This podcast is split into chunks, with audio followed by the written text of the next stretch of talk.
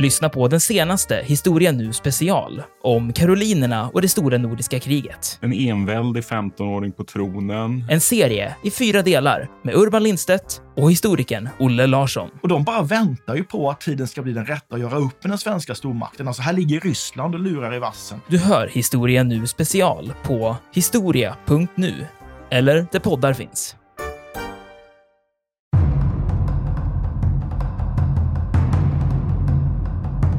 Det är faktiskt svenska jägarbataljoner med bland annat Värmlands jägare som sedan deltar i den här slutstormningen av Leipzig den 19 oktober. För att under natten så inser Napoleon att det här kommer inte gå och han börjar förbereda då reträtt.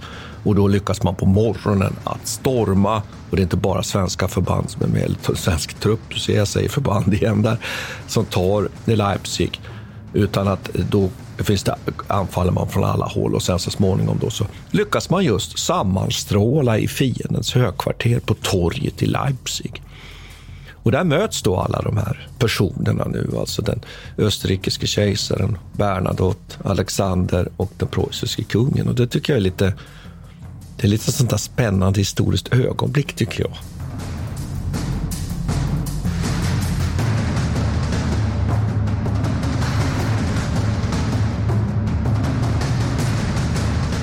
Militärhistoriepodden är podden om krig med människor och samhället i fokus. Programledare är Martin Hårdstedt, professor i historia vid Umeå universitet och Peter Bennesved, doktor i idéhistoria. Podden ges ut av förlaget Historiska Media. Stöd gärna MH-podden via vårt swishnummer 123 610 76 68. Märk betalningen med MH-podden.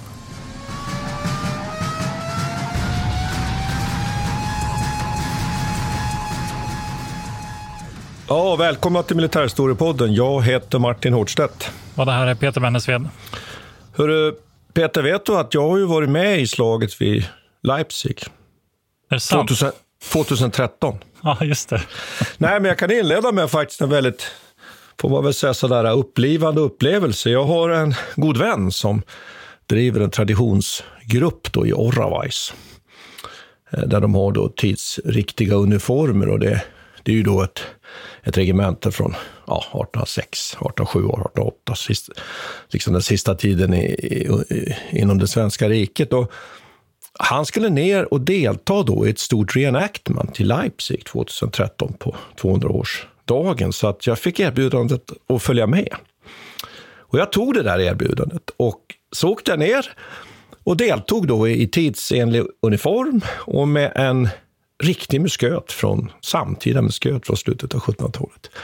Och så var det fältläger också, så man bodde där. Jag bidrog ju genom att hålla lite föreläsningar så där för den här gruppen. Och så hade man satt ihop en nordisk bataljon, så det var ju säkert en 150 stycken då. Man, och män och kvinnor. Och så deltog vi i det här reenactment. 6 000 statister på ett jättefält och så med en stor, stor publik, säkert 30 000. Och så pågick ju det här i, då, i flera timmar. Och, och, jag måste säga att det var faktiskt en ganska intressant upplevelse. Jag hade aldrig gjort det där förut. Alltså, man, men när du stod där, liksom, vart det skraj då? När hästarna kom? Liksom?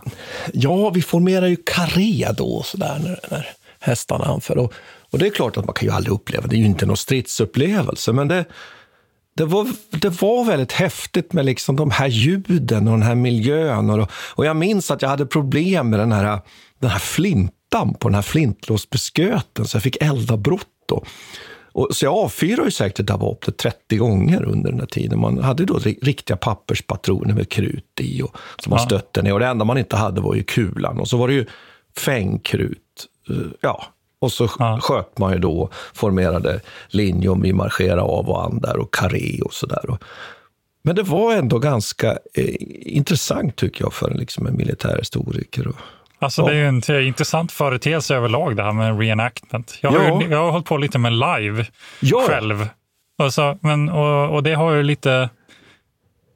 Man kan ju aldrig säga, och det har varit så här postapokalyptiska live. Ingen lyssnare är förvånad när jag studerar skyddsrum och liksom atomvapen. Ja, jag är lite chockad. Jag är lite chockad. men, nej, men det är liksom eh, det man oftast får av de där upplevelserna är kanske inte någon, någon liksom, eh, faktakunskap så, men man inser ju vissa så psykologiska effekter. Vissa, alltså man är ganska lätt på, påverkad som människa.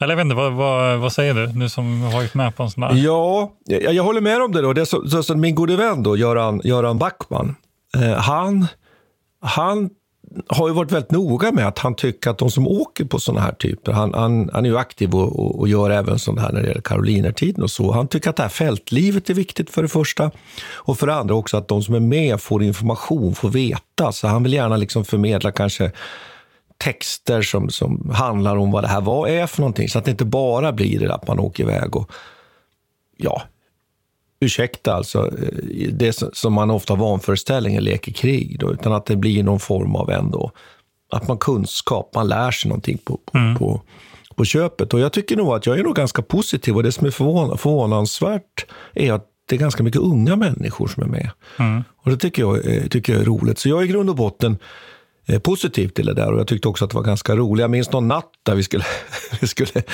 sova, där vi hamnade inne i vapenförrådet. Så jag kommer att vakna upp med en bajonett där i ryggen.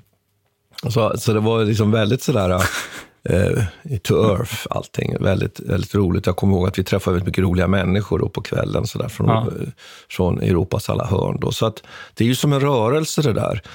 Ja. Eh, men det kanske ändå för de flesta är som du säger, att det är mer de där stämningarna där. Men då kanske ja, vi ska nej, flytta men, oss till... Ja, men, ja. Precis. Men jag kan säga en sak till. Att, att jag, jag minns ju när du åkte iväg på det där, för det var en del av mina kompisar också, mina studiekamrater som också åkte. det är sant. Ja. Eh, jag kommer ihåg det var när det var tjat om det där. Och jag, eh, nu blottar jag min okunskap ännu en gång, men då tänkte jag så här, Leipzig? Vad, vad, vadå Leipzig? Vem, vem bryr sig om det?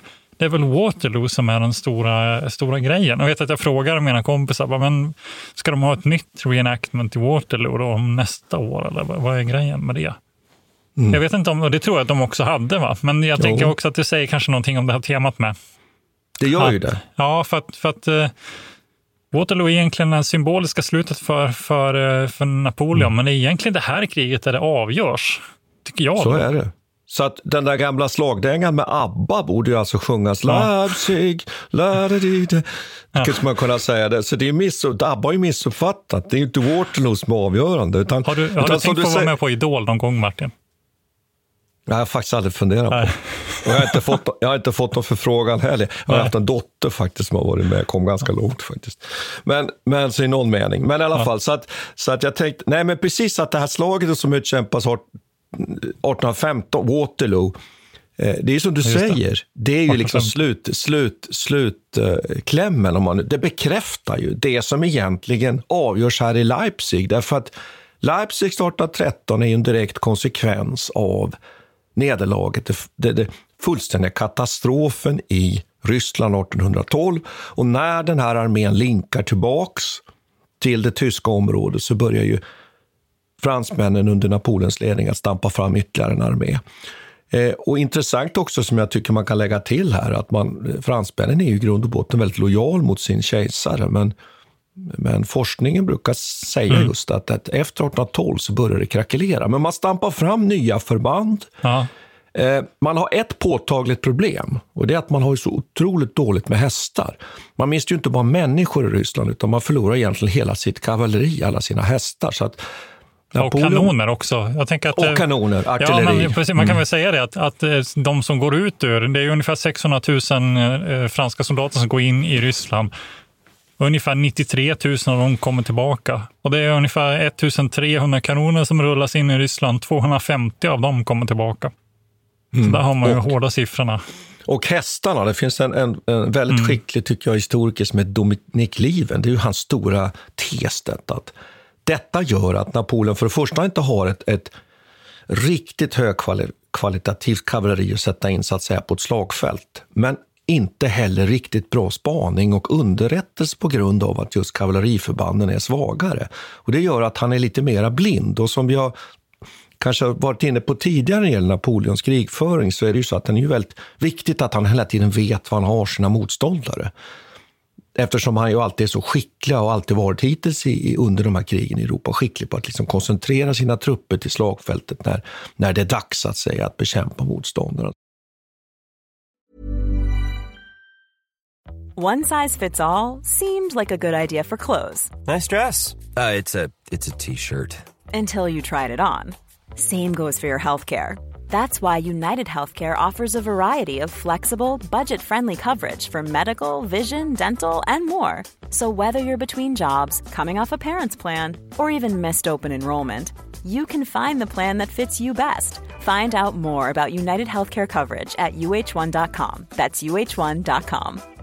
This is Paige, the co-host of Giggly Squad, and I want to tell you about a company that I've been loving, Olive and June. Olive and June gives you everything that you need for a salon quality manicure in one box. And if you break it down, it really comes out to $2 a manicure, which is absolutely insane. It's also so easy to get salon worthy nails at home with Olive and June. The difference between how your nails used to look when you did them yourself and now with the Manny system is a complete game changer. The best thing about Olive and June too is it's a quick dry, dries in about one minute, lasts for five days, and full coverage in up to one to two coats. Visit oliveandjune.com slash perfectmanny20 for 20% off your first system. That's oliveandjune.com slash perfectmanny20 for 20% off your first system.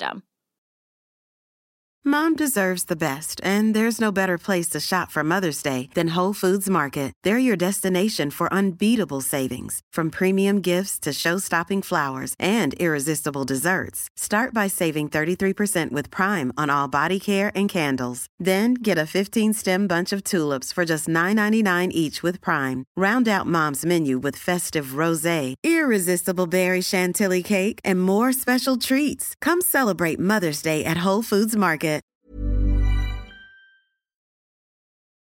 Här har vi någonting nu som, som vi måste fånga upp. Och dels, mm. dels är det då den, den här franska sidan, att man kämpar för att stampa fram en ny armé. Men sen har det ju hänt saker på den allierade sidan, om man skulle kunna uttrycka, uttrycka det på det sättet. De här allierade staterna, och där tycker vi behöver resonera lite kring. Vilka är det nu som... Ja, precis. Man kan väl börja med att säga så här, att de som följer med Napoleon in i Ryssland, det är ju den här, den här ren, vad heter på svenska, Confederation of the Rhine eh, renkonfederationen. Renförbundet, ja. Renförbundet på mm. svenska. De följer ju med, eller egentligen det är ju påtvingat på något vis eftersom det här är en slags ja, en mm. konfederation mm. som är skapad av Napoleon själv.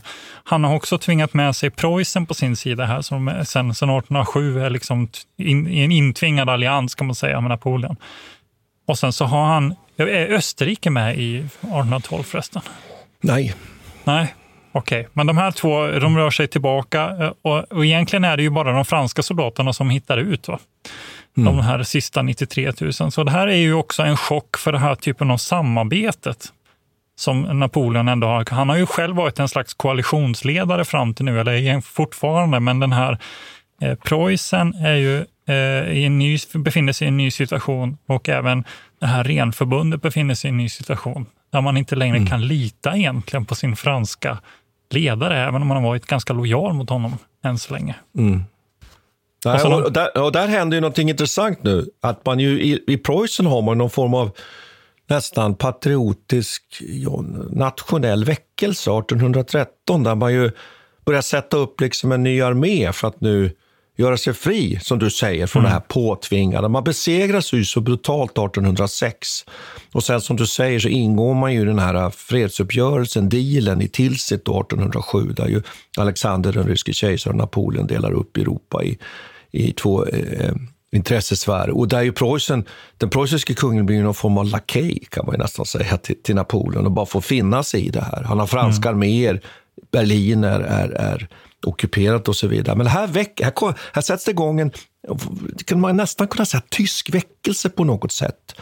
Och samtidigt då skapar man nu en, en, en, stor koalition med Ryssland naturligtvis, som har stora mänskliga resurser, där Österrike är med. Eh, det här förhandlas fram. Eh, eh, det krävs en del övertalnings, övertalningsförsök för att få med Österrike, för att de har ju drabbats av sitt andra nederlag 1809. De besegras inte bara 1805, utan de besegras även 1809. Och sen, väldigt intressant då, ur svenskt perspektiv, så är ju Jean-Baptiste Bernadotte som, som svensk kronprins Karl Johan med i den här koalitionen. Mm. Och man bestämmer sig då, sätter sig ner och, och eh, diskuterar då förutsättningarna för att kunna besegra då Napoleon i, i Trachenberg i Schlesien den 9-12 juli. Mm. Så genomför man liksom en konferens. Och, och, då ska jag bara säga det att där eh, eh, menar man ju att Bernadotte är väldigt inflytelserik när det gäller just hur ska vi göra för att operativt stänga in och inringa Napoleon och slutgiltigt besegra honom. Men då tycker jag att du missar en väsentlig grej här nu. Det finns ju en stat som är med här, eller ett kungarike som är med, som agerar som marionett. Puppet Master, egentligen som ligger bakom här också. Puppet som, Master? Ja, precis. Som egentligen, egentligen, de är ju inte med i den här, eh, de var väl säkert delegater, va? men de är inte med i Trachenberg-överenskommelsen i, i någon Ja, de har inte truff på slagfältet nej. kan man säga, Men, i fält. Nej. Och det är Storbritannien mm. som egentligen står för alla pengarna. Mm. För att bilda den här koalitionen så skjuter Storbritannien in ohyggliga mängder pengar. Mm. Och de ger ju bland annat Sverige runt en miljon pund egentligen för att, för att kunna bygga mm. upp sin, sin krigsmakt och skicka ner soldater till Centraleuropa. Och de ger ännu mer till Preussen, jag tror 2,5 miljoner eller sånt där. De ger också pengar till Ryssland och andra allierade. Och de har ju faktiskt Arthur, vad heter han? Arthur Wellesley, Duke of Wellington, som, som för en trupp på en bit över 100 000 pers i Spanien. Ja, och du har alldeles rätt här. Att, att det faktiskt ju påverkar och försvagar ju fransmännen ja. vid den här tiden. Så du har alldeles rätt. Va? Sen ska man också säga att, för att vara helt korrekt här, det finns mindre kontingenter inom citationstecken brittisk trupp med, därför att britterna har tyska provinser så att de finns med på ett hörn. Ja, just det. Och de har bland annat raket, raketbatterier och lite sånt med, så att vi ska mm. ärliga. Så att du har helt rätt. Va? Men det här är, skulle man väl kunna säga nu då, det ena ringhörnan egentligen. Ryssland, Österrike, Storbritannien, Sverige och Preussen. ett nyuppväckt Preussen. Mm. Och tre stycken arméer börjar nu att operera då från söder. Eh, den så kallade böhmiska armén som är den största eh, armén eh, på 250 000 man under den här Karl von, von Schwarzenberg, då det är den österrikesledda armén. Och sen då Nordarmén under Bernadotte 150 000 man med både ryssar, preussar och svenskar. Svenska, Sverige har ju faktiskt 40 000 man nu i, i, i på kontinenten. Och så den schlesiska armén som framför allt är ryssar men också preussare återigen under, under Blücher. Och sen finns det också en, en reservarmé med framförallt ryska trupper då under, under en, en, en, general som heter Benningsen. Så det här är fyra arméer. Och, och, då skulle jag bara vilja lägga till här, det man kommer överens om här nu, att man fortfarande, det här tycker jag är så fascinerande Peter, att man har fortfarande, är man lite rädd för Napoleon. Mm. Så man säger så här, eh, vi ska nu attackera och försöka ringa in Napoleon. Men vi ska inte inlåta oss i några slag där fransmännen leds av Napoleon. Så man är livrädd för hans kapacitet på slagfältet. Utan, och man ska inte inlåta sig i strider med, med motståndarens eh, huvudarmé. Utan det man ska göra är då att liksom sakta dra åt så att säga då, snöret kring den här eh, mm. säcken. Då. Och sen ska man, som man uttrycker det, man ska mötas i fiendens högkvarter. Och det tycker jag är så, så fascinerande, för det är ju det som man ju faktiskt sen till slut lyckas göra då. Så att, och Napoleon har ju på ett sätt egentligen bra utgångsläge här. Vi har ju pratat om ett sånt där begrepp som heter att operera på de inre linjerna. Det betyder att han kan ju egentligen nu välja att, att slå i tur och ordning. Så rent teoretiskt skulle han ju kunna börja med att slå ut då den böhmiska armén. Sen vända sig mot den schlesiska och sen mot nordarmén. Mm. Men det misslyckas då, därför att man på, på motståndarsidan har liksom insikten om faran just med det här. Och därför så sker det nu ett serieslag här. Och där kan man väl nämna att, att, att det, det, det är fascinerande hur, att han ju försöker då skicka då kårer att återta Berlin. Mm. Berlin är så symboliskt viktigt. ja, precis. Ja. Det, det, här är något som går emot liksom hans, eh, får man väl säga, att det är lustigt tycker jag med den, här, med den här situationen som Napoleon befinner sig i. Han har ju annars gjort sig känd för den som har och haft lagt upp som hela sin strategi att alltid slå mot huvudarmén egentligen. Mm. Och att på det mm. viset så, så här, nedgöra fienden totalt och nå liksom politiska eftergifter genom att, genom att göra det. Och det är så lustigt. Och det finns flera som har påtalat det, bland annat en som heter Mikael Legier som har, som har skrivit en ganska intressant artikel som han pratar just om det här. Mm. Napoleons försök att hela tiden ta Berlin. Och han vid tre olika tillfällen under 1813 försöker han sig på det. Jag tror att det är två gånger under våren och en gång under, under hösten. Och under höstslaget är ju faktiskt då som Bernadotte är med, det är slaget vid Denevitz där eh, Nej tillsammans med Oudinot egentligen går in i en fälla som Bernadotte har, har liksom riggat för dem. Och, och, det där är ju lustigt att han vill, och syftet med det här är ju då att få preussarna att lämna koalitionen, splitta mm. upp och gå och försöka rädda Berlin och på det viset så försvaga den här stora koalitionen. Men samtidigt så gör, man ju samma, så gör Napoleon samma misstag själv genom att hela tiden försöka med det här och alla tre gångerna misslyckas det ju. Och så den här eh, Legian, han för fram lite personliga argument också, att det skulle vara liksom någon slags hämnd då mot den preussiske kungen från Napoleons sida, att han vill liksom sopa till honom genom att ta Berlin, så symboliskt viktigt. Mm. Eh, och på det viset, ja jag vet inte. Ja, den där typen av argument är alltid svår, svårköpta tycker jag. Men det ligger ju någonting i det, något märkligt. Ja, och så, jag tänkte tillägga det att, att, att jag, jag, tror att du har alldeles rätt och jag tror också att, att, det, att det är spännande med just den där fixeringen vid att det är också så att Napoleon har ju alltid varit den som haft initiativet tidigare. Man, jag menar, om vi tar, tar eh, det här, eh, Napoleons stora framgångar mellan 1805 och 1807 där han ju faktiskt besegrar österrikarna, preussarna, ryssarna slag i slag och, och även, även ockuperar svenska Pommern där är ju han som initiativet. Det är han som marscherar snabbt med sina stora massarméer, det är han som koncentrerar dem på slagfältet, det är han som utmanar motståndaren. Det är han som får in motståndaren i en förtvivlad situation och tvingar honom till ett avgörande slag. Och nu är det ju han som är jagad här. Det är ju Napoleon numera som är villebrådet, om man uttrycker så. Och det, det tycker jag är det som är fascinerande med det här förspelet. Och Eh, och då kan man väl bara konstatera det, du har ju varit inne på Denevitz bland annat här. Det utkämpas en hel del strider, en hel del strider så kan man uttrycka det. Eh, han slåss både mot den böhmska armén mot alla de här arméerna, men lyckas inte. Och till slut så befinner han sig helt enkelt inringad. De allierade lyckas med sina förutsatser, inringad kring Leipzig. Där alltså det koncentreras då alltså, mer än 360 000 soldater på en väldigt, väldigt liten yta. Och det här är ju det största slaget i Europa då fram till slaget vid Königsgrätz eh, på 1860-talet mellan Preussen och österrikare sen så småningom. Så att det här är ju en väldigt stor nu eh, mm. kraftmätning. Ja, eh, en sak som jag tycker man kan nämna här, det är ju att Bernadotte då, mm. Baptiste Bernadotte, Eh, hans huvudmål är ju egentligen, det är klart att han, han, det är viktigt för honom att Napoleon besegras, men han har då 40 000 svenska soldater i, i, eh, eh, på kontinenten och ungefär hälften av dem kommer att delta nu i Leipzigslaget. Resten finns lite utspridda på olika ställen, på andra ställen, bland annat i garnisoner. Men Bernadotte vill egentligen få det här avklarat ganska snabbt. För han har ju en annan idé här. Just det. och han slår mot danskarna. ja, han har ju två agender faktiskt. Den ena är att han vill använda den svenska armén som han faktiskt sparar, det ska vi komma ihåg här. För att sen slå upp helt enkelt mot, eh, de, mot Danmark för att kunna avtvinga Danmark sen så småningom Norge. Och det är ju mm. någonting som kommer att förverkligas sen, lite senare. Då. Mm. Men han har ju också, vilket jag tycker är så spännande, en idé om att han skulle eventuellt kunna bli fransk kung. Men här, ja, var kommer det ifrån? Då? Vad tänker han sig då att eh, han ska ta över då efter? Ja, ja han Napoleon, tänker... Napoleon ja. ska bli avsatt och sen ska han bli tillsatt. Men Bourbonerna finns ju där också.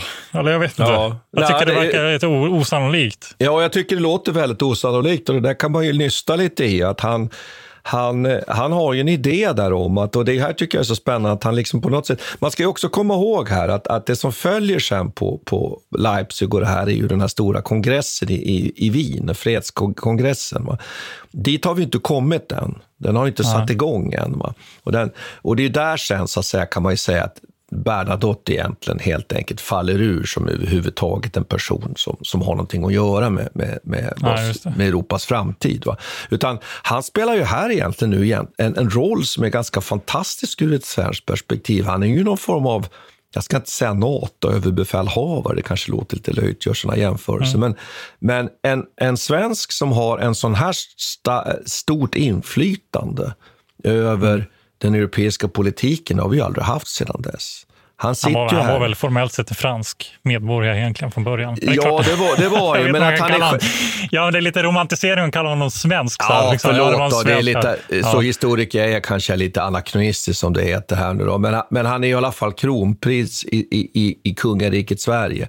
Ja, och det är väl lite poängen här lite är väl den att okej, okay, han är chef för Nord, Nordarmén och sådär. Men han har fortfarande kvar den här idén om att han ska kunna bli liksom fransk fransk mm. kung. Och jag tror att det också hänger lite ihop med att han har ju haft en sån här konkurrenssituation med Napoleon tidigare i sitt liv. De har ju till och med haft samma fästmö och sådana där saker. Och de har Aha, tävlat. Okay. Ja, och, och, och, det är ju så att till och med att när Napoleon genomför sin primärkupp 1799 i november, så då frågar ju folk, ska, Bernardo, ska du inte kliva in och stoppa det här? och Så, där. så att han är ju med liksom i spelet här, skulle man kunna säga. Ja, Sen kan man ju nämna det att sen här efteråt då, det, det, eh, nu för, föregår vi ju händelsen här lite så. Hans, hans fru Desiree sitter ju i Paris och väntar på att han ska tåga in. det är ju faktiskt, jo, det är faktiskt på det sättet. Men åter du till Leipzig. Och ja, men det är spännande. Jag vill också säga någonting om den här koalitionen. Jag tycker det är intressant. Eh, ja. Att, ja, men för det första så är det ju men du sa att han var någon slags överbefälhavare. Det är väl egentligen inte Schwarzen, det... det är Schwarzenberg som är... Ja, alltså nej, det är fel att säga det. Den ja. österrikiska kronprinsen. Ja. Eller är han kung vid det här laget? Eller kejsare eller vad ska man kalla det? Han är kronprins va? Ja, man pratar ju, man pratar ju om ärkehertig, brukar man ibland kalla Just det. för Österrikes sammanhang. Ja, man, man hans... pratar ju om kejsare, det vill jag bara nämna här, att, att Österrike kallar man sig för kejsare. Det har man inte gjort tidigare. Går vi, går vi fram till tiden före egentligen 1804-1805 så ska man egentligen prata om Habsburg, alltså kejsare av, i det tysk-romerska riket, av, av, eller romerska riket av tysk nation, då, som upplöses 1816 av Napoleon. Det, här, det är ju lite sådana här lite nörderikunskaper här nu. Så nu är det österrikisk kejsare, va? det tysk-romerska riket finns inte. Nej. Precis, Nej, men det jag, skulle, det jag ville säga var väl också att för att understryka den här, den här eh, liksom värdet av, den historiska värdet av den här koalitionen är väl också att det här är första gången som man ser att så många att man bildar en koalition av det här slaget som har ett övergripande strategiskt mål, som lägger upp en plan tillsammans som faktiskt genomför den på det här viset. Utan mm. Förut har man ju förstås krigat i koalitioner ja, i Europa och på andra ställen, men det har liksom, då har de här arméerna varit ganska självständiga. Men här är liksom man samlas, gör upp en plan och det är liksom, eh, jag vet inte vad man kan jämföra det, men det finns egentligen inget få jämförelser bakåt i tiden, utan det är liksom framåt i tiden som vi ser mm. liknande mm. typer av, av, eh, av samlingar. Och det tycker jag är ganska intressant. Och det är kul att, eller kul och kul, jag vet inte. Intressant att Bernadotte, att Sverige är med i den här förstås. Ja, och att han liksom på något sätt ändå påverkar den här operationsplaneringen här tycker jag på ett, på ett intressant mm. sätt. Så jag håller med dig om att man samverkar här nu. Eh, och det är man tvungen att göra inser man ju för att kunna klara av Napoleon Bonaparte. Jo, för de här staterna är ju också så att de konkurrerar ju om, de är inte överens om alla saker här egentligen, utan det enda, de har ju bara en gemensam fiende och det är ju Napoleon. Men, men sen så har man ju en massa saker man tvistar om, till exempel det här eh, hertigdömet Polen. Och, ja. och, de har ju olika liksom, ja, olika intressen i, i alla fall i den östra mm. delen av, av, eh, av Tyskland som man inte mm. liksom... Så det är ju rätt osannolikt på ett sätt att man kommer överens sen. Men ja, Ja, det är en eh, intressant historisk eh, punkt. Det är det. Och ur ett preussiskt perspektiv och ett tyskt perspektiv så är det jättespännande. För att ur den här så säga, konflikten nu sen och ur, ur Leipzigslaget och det här så växer ju fram de här vad ska jag säga, huvudparterna egentligen i den tyska maktkampen sen, Österrike och Preussen. Mm. Och, och Preussen återuppstår ju. Hade det inte skett så hade kanske Europas historia sett ut på ett annat sätt. You should celebrate yourself every day. But some days you should celebrate with jewelry. Whether you want to commemorate an unforgettable moment or just bring some added sparkle to your collection, Blue Nile can offer you expert guidance and a wide assortment of jewelry of the highest quality at the best price. Go to Bluenile.com today and experience the ease and convenience of shopping Blue Nile, the original online jeweler since 1999. That's Bluenile.com. Bluenile.com. I'm Sandra, and I'm just the professional your small business was looking for. But you didn't hire me because you didn't use LinkedIn jobs. LinkedIn has professionals you can't find anywhere else, including those who aren't actively looking for a new job but might be open to the perfect role, like me. In a given month, over 70% of LinkedIn users don't visit other leading job sites. So if you're not looking on LinkedIn, you'll miss out on great candidates like Sandra. Start hiring professionals like a professional. Post your free job on linkedin.com/people today. Mom deserves the best, and there's no better place to shop for Mother's Day than Whole Foods Market. They're your destination for unbeatable savings, from premium gifts to show-stopping flowers and irresistible desserts. Start by saving 33% with Prime on all body care and candles. Then get a 15-stem bunch of tulips for just $9.99 each with Prime. Round out Mom's menu with festive rosé, irresistible berry chantilly cake, and more special treats. Come celebrate Mother's Day at Whole Foods Market. Men då kan vi bara konstatera att det här Leipzigslaget inleds ju 14 oktober. Och det är Böhmska armén då som har de första stridskänningarna med, med fransmännen. Och sen faller, kommer den, den, den schlesiska armén då in den 16 oktober. Sen har man faktiskt lite paus, om man får uttrycka sig så, då, den 17 oktober. Man inväntar Nordarmén eh, och också den här Benningens eh, reservarmé. Och sen när de kommer då så in, genomförs då den 18, 18 oktober så att säga, slutanfallet mot Leipzig och det av fransmännen försvarade eh, Leipzig. Eh, och vad är då den svenska krigsinsatsen här? Det, det, tycker jag väl ändå att man kan fundera på. Mm. Bernadette håller ju tillbaks de svenska trupperna, men det är ett förband som är förband är egentligen ett modernt uttryck, men man skulle väl kunna säga att det är en svensk trupp här som är involverad, som är ganska spännande, nämligen ridande artilleriet under en före detta, eller en, en, en, en tysk, alltså en, en person som han kommer från Pommern eh, eh Cardell.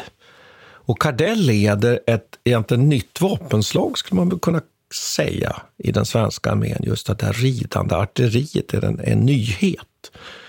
Och han gör ett, en, en del faktiskt ganska avgörande, eller åtminstone viktiga insatser under det här slaget. Han, han slår ut franskt eh, artilleri, han stoppar ett franskt eh, kavallerianfall och understödjer då det preussiska och ryska anfallet ner mot Leipzig. Och sen kan man väl nämna också det att det är faktiskt svenska jägarbataljoner med bland annat Värmlands jägare som sen deltar i den här slut slutstormningen av Leipzig den 19 oktober. För att under natten så inser Napoleon att det här kommer inte gå och han börjar förbereda då reträtt. Och då lyckas man på morgonen att storma och det är inte bara svenska förband som är med, eller svensk trupp, ser jag säger förband igen där, mm. som tar Leipzig. Utan att då finns det, anfaller man från alla håll och sen så småningom då så lyckas man just sammanstråla i fiendens högkvarter på torget i Leipzig. Och där möts då alla de här personerna mm. nu, alltså den österrikiske kejsaren Bernadotte, Alexander och den preussiske kungen. Och det tycker jag är lite det är lite sånt där spännande historiskt ögonblick tycker jag. Ja. De sammanstrålar där. Ja, det precis. Och det kan vi, då har Napoleon flytt vid det här laget. Jo, det, är ju ganska, det är en ganska blodig reträtt. Ja, de, hittar, de, hittar ju en, de hittar ju en, det finns ju en bro där som, som går öst, eller västerut som de lyckas ja. ta sig över. Och då, så de, de har hållit hyfsat fri, men, men eh, de beslutar väl i ett kritiskt öde att också spränga den här och man spränger för tidigt? Ja, man spränger för tidigt. För tidigt. Och, och sen eh, som ett slag också mot den här koalitionen som, som Napoleon lyckats hålla ihop så är det ju huvudsakligen egentligen eh, är det ju huvudsakligen eh, koalitionstrupper som befinner sig kvar i Leipzig medan de franska trupperna har lyckats ta sig ut. Så man har liksom prioriterat dem på ett lite besvärligt sätt som får stora konsekvenser sen för det framtida samarbetet. Så det är lite så här, ja men han gör ju ännu en, eh, ännu en flykt.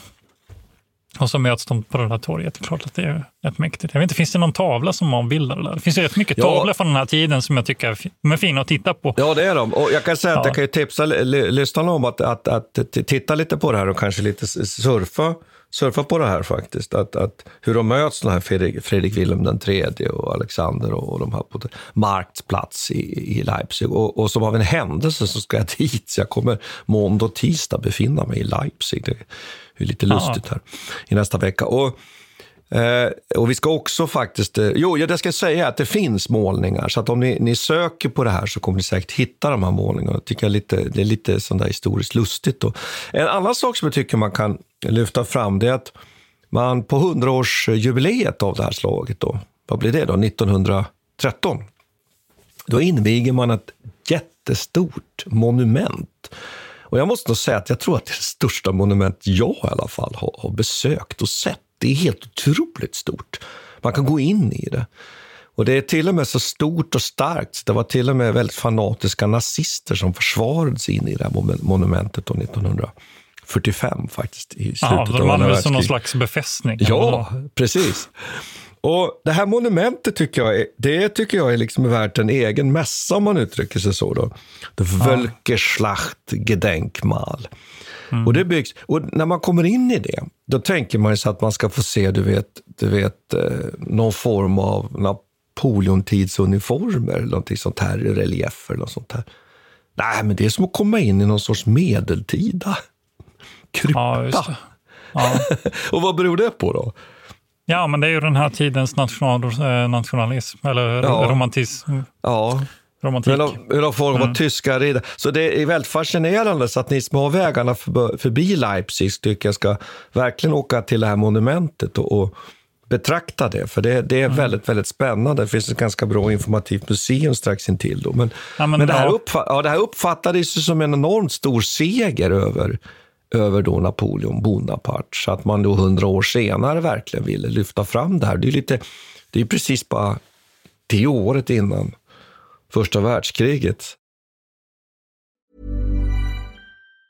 Hi, I'm Daniel, founder of Pretty Litter. Did you know cats tend to hide symptoms of sickness and pain? I learned this the hard way after losing my cat, Gingy. So I created Pretty Litter, a health monitoring litter that helps detect early signs of illness by changing colors, saving you money and potentially your cat's life. Pretty Litter is veterinarian developed, and it's the easiest way to keep tabs on your fur baby's health right at home. Go to prettylitter.com and use code ACAST for 20% off your first order and a free cat toy. Terms and conditions apply. See site for details. Mom deserves the best, and there's no better place to shop for Mother's Day than Whole Foods Market. They're your destination for unbeatable savings, from premium gifts to show-stopping flowers and irresistible desserts. Start by saving 33% with Prime on all body care and candles. Then get a 15-stem bunch of tulips for just $9.99 each with Prime. Round out Mom's menu with festive rosé, irresistible berry chantilly cake, and more special treats. Come celebrate Mother's Day at Whole Foods Market. Planning for your next trip? Elevate your travel style with Quince. Quince has all the jet-setting essentials you'll want for your next getaway, like European linen, premium luggage options, buttery soft Italian leather bags, and so much more. And is all priced at 50 to 80% less than similar brands. Plus, Quince only works with factories that use safe and ethical manufacturing practices. Pack your bags with high-quality essentials you'll be wearing for vacations to come with Quince. Go to quince.com/pack for free shipping and 365-day returns. Det säger lite någonting om historieskrivningen också som jag tycker är intressant här. Att man har ju faktiskt, det, är lite, det påminner lite om, eh, om den amerikanska historiesynen på andra världskriget också. Att man har lite olika, vad var det egentligen som var avgörande? De avgörande punkterna. Och de har ju mm. amerikansk historieskrivning fått kritik för att man är alltför fokuserad på, på Stilla havsområdet och, och slaget mot, mot Japan där. Men man i själva verket så var det kanske Ryssland som gjorde, eller Sovjetunionen som drog det tunga lasset har man ju bekräftat på många sätt. Och det är lite samma här också, att man funderar ju på varför är det så att Waterloo har fått så, så, så stort inflytande efteråt och blivit så symboliskt. Ja, men kanske var det då för att det, har varit en, det var en brittisk befälhavare. Det var Wellington som drev den där kampanjen. Här, är det, här är det lite samma sak. Va? Egentligen är det, det är Leipzig 1813 som kanske är mer avgörande. Och då, I tysk historieskrivning så är det det här som är liksom det stora slaget. Och även, eh, även österrikarna är ju lite i konflikt här, för de tycker att ja, men vänta nu, kom ihåg att det var ju faktiskt en österrikisk kronprins som ledde den här koalitionen för det första. Även om de var sent in på bollen, de är ju faktiskt med först i augusti 1813 bestämmer de sig mm. för att kliva med mm. i den här koalitionen eh, och lämna sin också påtvingade allians med Frankrike. Mm. Men så, så det, här, det finns ju det är något intressant här tycker jag. Och likadant eh, om man säger under 1860-talet när Karl Marx och Fredrik Engels eh, skriva ihop sina teorier så blir det här ett viktigt ett viktigt symboliskt slag för den tiden då liksom nationalandan väcks till liv. Och för att framförallt är det den här landstormen som man då har hänvisat till på preussisk sida, att en slags folklig resning. Ja, det är det man försöker rekrytera för att bygga ja. en preussisk armé kan vi kommentera. En slags säga. milis ja. som man försöker få ja. med i den här. En preussisk milis liksom bestående av vanligt folk. Då. Sen dess mm. inflytande är väl ganska omtvistat hur, stort, liksom, hur stor roll det spelar, antagligen ingen alls. Eh, men det ändå har varit symboliskt viktigt i tysk historieskrivning. Och det, där har ju, det tycker jag är intressant, för det följer ju hela, fram, hela vägen fram till 1900-talet. Mm. Under början av 1900-talet är jättemycket diskussioner om det här.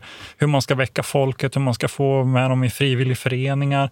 Flera avhandlingar som handlar om det här landets nyningen. En, en från vår institution faktiskt, Cecilia Horton, har skrivit om skyddskårer och sånt. Det, mm. liksom ligger, det, det finns en sån koppling där. Jo, och jag håller liksom, med. Ja, ja. Att det ligger saker i luften där som jag tycker är väldigt spännande. Och Waterloo egentligen, det blir, framstår mer och mer, desto mer vi resonerar här egentligen, som ja. sista sucken på något sätt. Medan det här är egentligen det som, det här är det som sen också, för det, det ska vi ju säga då att Napoleon slinker ju undan, räddar ganska mycket franska soldater bedriver då fördröjande strider inne i Frankrike under våren 1814 men tvingas sen att, att abdikera då i april 1814. Det finns en fantastisk målning av honom. Han sitter på en stol så här lite plufsig, helt slut. Jag tror målningen till och med heter Nederlaget. Jag brukar visa den där för studenterna. Den är så fantastisk. Man ser verkligen, det här är nederlaget. Och sen mm. abdikerar han och hamnar på Elba. Sen vet alla här som lyssnar att han kommer tillbaka sen på, på våren då, 1815, 100 dagarna som det kallas för, och sen kommer då den här Waterloo-kampanjen. Då pågår redan freden alltihopa, så Waterloo är verkligen sista sucken. Det är bara att mm. fortsätta att tjata om det här. Och att Leipzig, det ger ju förutsättningarna för freden, som vi säger. Du har varit inne på det preussiska nationella uppvaknandet i någon mening. Österrike är tillbaka på scenen. Och Ryssland är ju den makt som är segrarmakten som ju egentligen har stått för den här riktiga smällen på Napoleon i, i Ryssland under 1812. Mm. Och sen Sverige, där tycker jag är spännande. Sverige utnyttjar ju nu situationen på hösten, freden i Kiel i januari. Bernadotte tar sin svenska armé upp i Danmark och vi tvingar av danskarna. Norge Mm. Och där har vi också formerandet av det moderna Norden, kommer ju till här också i någon mening, tycker jag. Mm. Och det tycker jag är viktigt att peka på. Att, Just det. Att Norge, det här... precis, Norge kommer att bli självständigt här efter. Det sitter ju lite grann ihop med den här den norska nationalismen har man hört talas om också. Alltså den, den växer ju till liv här efter. Man får börja föreställa sig ett eget, ett eget kungarike ja. egentligen. När man hör att ja. nu har danskarna överlämnat oss till Sverige. Ja. Då säger man att det går vi inte med på. Man, man sätter sig ner och skriver en egen konstitution den 17 maj. Mm. Inspirerad man... av franska revolutionen. Ah. Ja, men jag får, precis. Jag får gåshud. Du får gåshud. Och, och sen så, så konstaterar ju Bernadotte, vad ska jag göra nu? Nu har ju norrmännen Okej, okay, jag får skrämma dem då, men jag kan inte dränka den här erövringen i blod, inser han ju. Därför att det skulle inte vara en bra start. Och sen blir det en personalunion då, där ju Norge får en egen konstitution och där Norge på något sätt uppstår igen som, skulle man kunna kalla det för det, nationellt eh, eh subjekt då igen. Från mm. att ha varit under Danmark egentligen från mitten av 1500-talet formellt sett. Mm. Så att här händer väldigt, väldigt mycket och då vet vi också det att, att, att det som vi idag kallar för Finland har ju brutits loss från det svenska riket och är en del av Ryssland sedan 1809. Så att här är ju det, det så att säga det moderna Norden i politisk mening mm. Eh, formerat. Och det sker här. Det sker ju inte mm. i och med, med, med Waterloo. Och, Water, och dessutom är det färdigförhandlat i Wienkongressen före Waterloo. Man är ja, egentligen bara tvungen att lämna kongressen i Wien ge sig ut besegra Napoleon igen. Och sen bara helt sätta namnen på pappret om du förstår vad jag menar. Så det här förstärker ju det här som vi, vi driver ja. här, att det här är det som är viktigt. Det är här Napoleon förlorar eh, kriget eller sin dröm om ett imperium. Han har ju också spelat ut sin roll. Vi kan säga någonting om det. På sätt och vis har han ja. ju varit... Vi har ju följt eh, honom lite grann här nu genom lite. några, några ja. avsnitt. Om man säger det som, det som, har, eh, som kännetecknar Napoleons krigföring, som var hans höga mobilitet, hans liksom, förmåga att marschera, och ett, liksom, manöverkrigföring och slå med huvudstyrkan och sådana saker. Där har han ju varit före hela tiden och det, det är det som har gett honom alla de här framgångarna. Mm. Och nu befinner han sig i en situation då, då, man, då även hans motståndare har lärt sig det på ganska kort tid, en period av 15 år ungefär, så har ju motståndarna lärt sig det. Och de, de här slutsatserna är dragna. Så Man, eh, och då förlorar han ju också sin, sin, eh, sin spets liksom, i ett något mm. slags eh, militärtaktiskt perspektiv. Jo, så det är inte jo. så konstigt heller egentligen att han, att han förr eller senare måste bli besegrad. Och det ser vi ju alla. Det finns ju egentligen ingen befälhavare som har tagit sig ur den där rävsaxen. Nej, jag tänker lite på Alexander, som vi, ja. vi pratade med Issos, som det finns många intressanta likheter med honom också, mm. som egentligen befinner sig i lite samma sak. De, de, de är väldigt framgångsrika i ett tidigt skede och, och, bygger upp en slags hybris runt sig själva och en känsla av att de är liksom oövervinneliga och söker också den där fatala, sista, slutgiltiga striden. Det gör ju Alexander också och Napoleon med. Så att, eh, och det leder ju slutligen till deras, eh, till deras fall. Jag mm. tänker på den här mm. ökenmarschen som Alexander gör till exempel, som är helt vansinnig.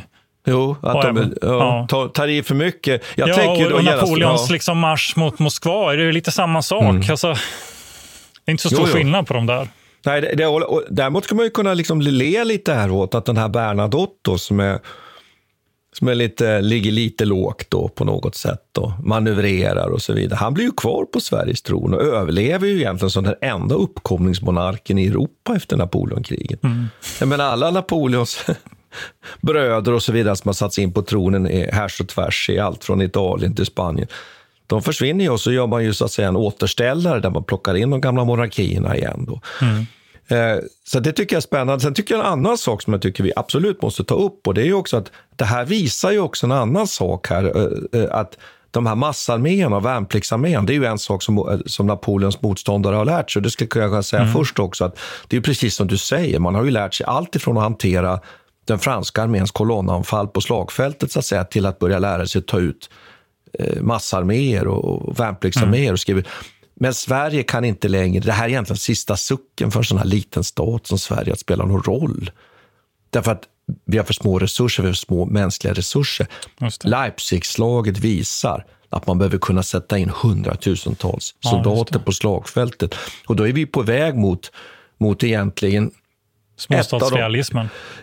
Dels det, men också mm. faktiskt den här, den, en av de här stora sakerna i den militära historien. Vi är på väg mot de här massa, vi är på väg mot egentligen eh, första världskriget och nationernas krig sen. Och det mm. kallas ju Leipzigslaget ofta för folkslaget, men det är väl kanske att föregå egentligen olika processer i europeisk historia. För att Mm. Det är svårt att peka på. Vi har ju pratat lite här nu om preussisk nationell väckelse och så här, men men det, man kanske inte ska gå ut för hårt och säga att det är kanske lite för tidigt i Europas historia, men det är någonting här ändå som, som man kan fånga. Mm. Att det är någonting som är på väg här. Och, och du brukar mm. ju gilla, Peter, det to totala kriget. Va? Ja. Vi ser några ingredienser i det här, skulle jag vilja påstå. Absolut. Jo, det är ju många som påstår också att, eh, att eh, nationskrigen är början av, av ja. eller mot slutet av 1800-talet, ja. eller revolutionskrigen här, det är de första liksom, totala kriget också.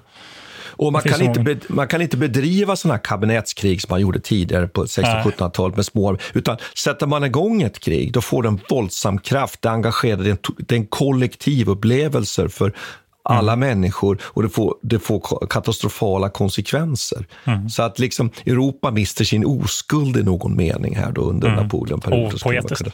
Fantastiskt alltså. ja. Jag vet inte, är, är vi liksom är ja, vi nöjda nu? Innan, precis, innan vi svävar ut allt för mycket. Vi kanske ska ja. dra ett streck där. Jag tycker att det var bra, det var bra slutord. Det känns som att vi har fått med allting. Ja, eh. så att eh, eh, lyssna inte på Waterloo, Abbas Waterloo, utan tänk istället för Waterloo Leipzig. Det är väl liksom vårt budskap här idag. Ja. Eh. det blir bra. Tack, tack ska vi ha. Ja, tack ska vi ha. Hej på dig. Vi tackar Peter Bennesved och Martin Hårdstedt.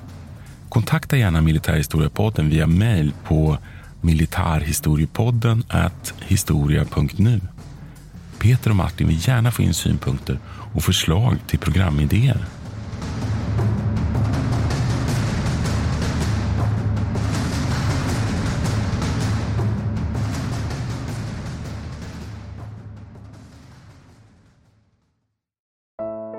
Iran har under 1900-talet genomgått tre omvälvande revolutioner som orienterat landet antingen mot västerlandets modell eller mot en auktoritär styrelseform.